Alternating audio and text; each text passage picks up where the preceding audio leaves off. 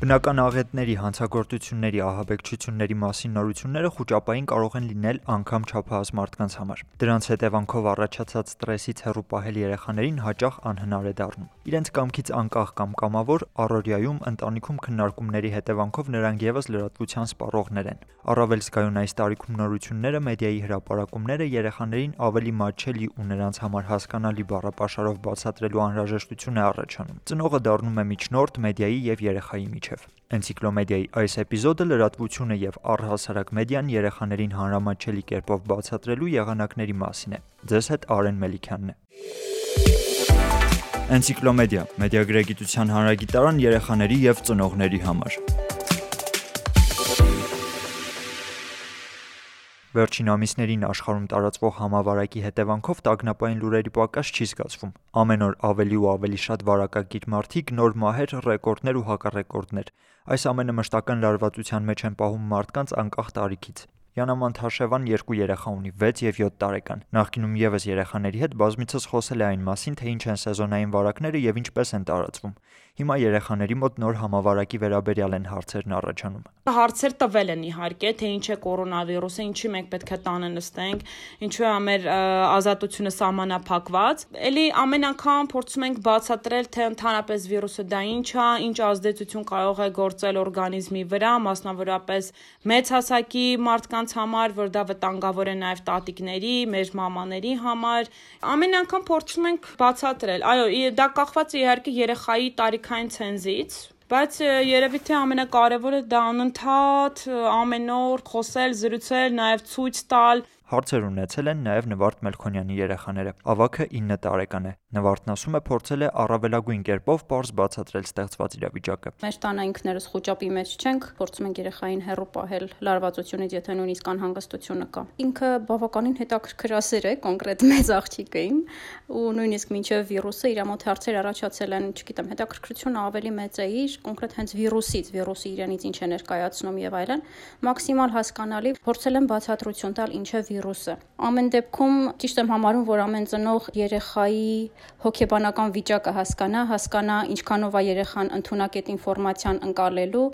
ու ըստ այդմ ինֆորմացիան տրամադրի։ Երկու գործոնները, որ նշեցին այս ծնողները, երեխայի տարիքն ու զգացմունքայինության աստիճանն անչափ կարևոր են մեդիայի հետ նրանց շփումը կազմակերպելիս։ Իսկ տեղեկատվությունը երեխաների համար մատչելի դարձնելու գործում լավագույն միջնորդները հենց ծնողներն են, կարծում է Շողակաթ հեռուստաընկերության մանկական եւ կրթական հաղորդումների պատասխանատու Հերմինե Ստեփանյանը։ Ծնողների միջնորդությունը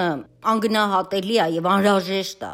հատկապես երբ որ նման իրավիճակներում տագնապային լրատվությունը շատ է տագնապ առաջացնող, վախեր առաջացնող,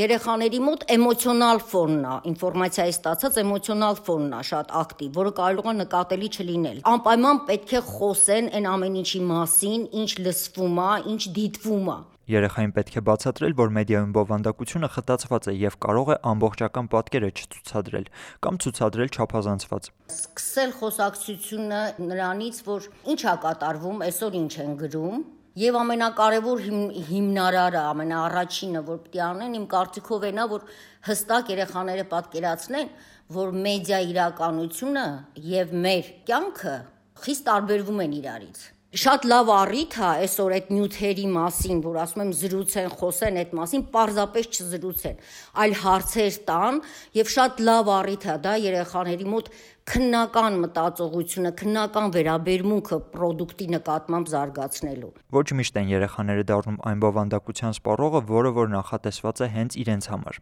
Անկախ տարիքից մեդիան բոլորին նույն նյութերն է մատուցում, եւ հենց ծնողներն են, որ պետք է ստանձնեն մեդիան երեխայի համար հասկանալի դարձնելու դերը։ Հատկապես այս իրավիճակում, երբ երեխաներն ավելի շատ մեդիա են սպառում, բովանդակությանը հետևելուց բացի նույնքան կարևոր է քանակի բալանսավորումը։ Լավագույն լուծումը կարող է լինել ստրեսային բովանդակությունից նրանց հեռու պահելը, այդուհանդերձ չարգելելով նրանց հասանելիությունը տեղեկատվությանը կա տարածված, բայց շատ մակերեսային ըստ իս կարծիք այն մասին, որ երեխաները մեդիա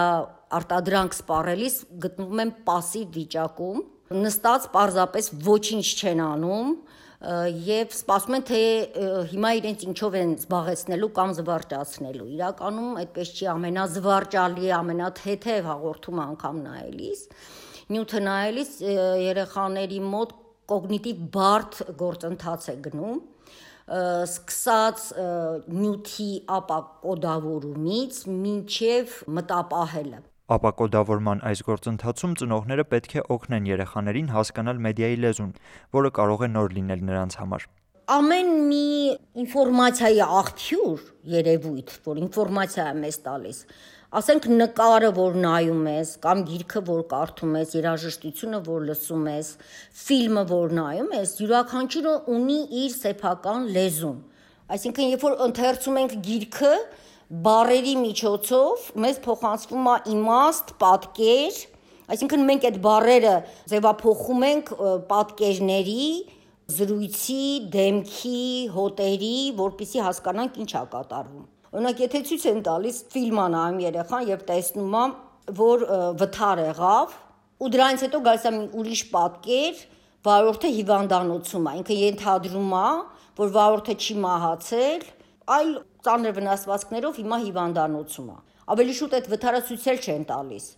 Ասենք ձայնա լսվում, ենթադրվում է, որ ինչ եղավ։ Այսինքն այդ մոնտաժի լեզուն արդեն մեդիա լեզու է։ Այս լեզուն երեխաներին բացատրել առավելագույնս արդյունավետ հնարավոր կլինի երեխայի ինտելեկտուալ եւ զգայական փուլերը ընկալունակության աստիճանը հասկանալով, կարծում է Արմինե Առաքելյանը։ Նա արտ-թերապևտ է երեխաների եւ մեծերի հետ ստեղծագործական միջոցներով կարգավորման ուղղորդման աշխատանքներ է տանում։ Երեխաների համար պատկերները եւ բառային ձայնային ինֆորմացիաները միաժամանակ ընկալվում են, բայց թե երեխան ինչ ավելի առավելություն ունի ընկալման իր ձևերի եւ բնույթի մեջ, դա արդեն կարող են ողրել ծնողները։ Շատ երեխաներ ավելի լավ լսում են, շատ երեխաներ ավելի լավ տեսնում են ինֆորմացիան։ Շարը շատերը նկատում են այն, ինչ որ իրենց արդեն ծանոթ է։ Եվ նույնացնում են այդ պատկերները եւ բարերը եւ հետո արդեն ուղակի տալիս են իրենց մտքերը։ Եթե մենք պատկերացնենք, ասենք թե թե ինչպես է որ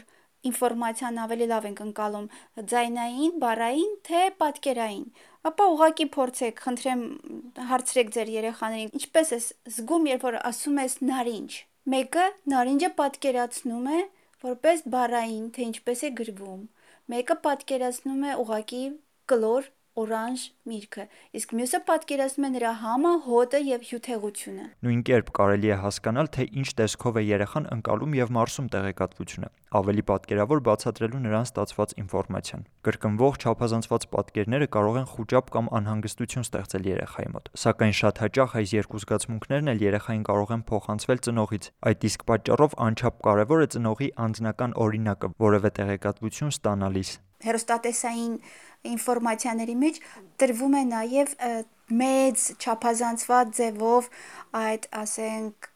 կորոնավիրուսի պատկերը եւ նա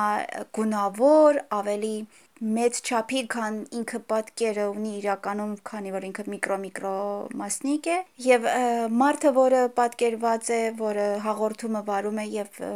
վիրուսի պատկերը համարյա իրար հավասարաչափ են։ Այսինքն չափազանցացված է նաեւ պատկերը, չափազանցացված են լինում կրկնվող ինֆորմացիաները եւ շատ անգամ ծնողները որպես այդպես իրոք կարող են տալ նույն ձևով չափազանցացված ինֆորմացիա կամ հաղորդել իրենք իսկ իրենց անհանգստությունը։ Արմինեն խորհուրդ է տալիս առանց տագնապելու երեխաներին բացատրել տեղեկատվությունը, որ կարող է շատ հաճախ իսկապես ստրեսային լինել։ Երեխաների մոտ չափից դուրս հետաքրքրությունը այս նոր իրավիճակներին կարող են բավարարել ծնողները ուղակի հանդարտ տոնով, պատասխանելով առանց աչքը թարթելու, քանի որ վախի, անհանգստության, տագնապի, խոճապի զգացումները կարող են նույնիսկ ծնողներից փոխանցվել երեխային։ Տարիքով առավել փոքրերին առհասարակ ցանկալի է հնարավորինս հեռու պահել խոճապային լուրերից։ Անհրաժեշտության դեպքում պետք է լինել նրանց հետ, բացատրել իրավիճակը, պատասխանել նրանց հարցերին անկեղծ, բայց հանգիստ։ Իհարկե, անձամբ տեղեկատվությունը եւ փաստերը ստուգելուց հետո միայն։ Երեխաներին կորոնավիրուսային նոր համավարակը բացատրելու մի պարզ ուղեցույց հայերեն թարգմանությամբ կգտնեք այս էպիզոդինքից Media.am կայքում։ Մենք նաև ձեր ոդքասթ հավելվածներում ենք եւ Հանրային ռադիոյի Արևիկ մանկապատանեկանի եթերում։ Այս էպիզոդում այսքանն էր։ Այն ձեզ համար ձայնագրեց Արեն Մելիքյանը։ Առայժմ